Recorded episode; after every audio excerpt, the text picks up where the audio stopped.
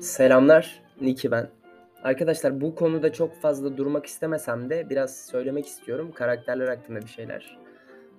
Ee, öncelikle akışkan bir karakterinizin olması gerekiyor. Yani kabadayı gibi takılıyorsanız onu geçeceksiniz. Ya da ne bileyim işte böyle sürekli gerginseniz onu da bir geçeceksiniz. Sürekli mutluysanız onu da geçeceksiniz arkadaşlar. Hani her ana ayak uydurabilen akışkan bir karakteriniz olması gerekiyor. Bu sizin içeceğiniz şeylerden tutun da kullanacağınız her şeye kadar belli bir yere kadar e, uyumlu olmanız gerekiyor.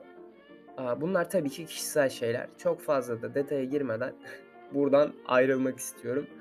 Ama dediğim gibi en azından bir şeylerin içinde bulunmak istiyorsan insan bu şeyleri yapan insanlarla eğlenmek istiyor.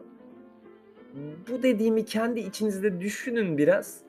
Kendi cevabınızı daha iyi vereceksiniz diyorum. Çünkü çok detaya girmek istemiyorum.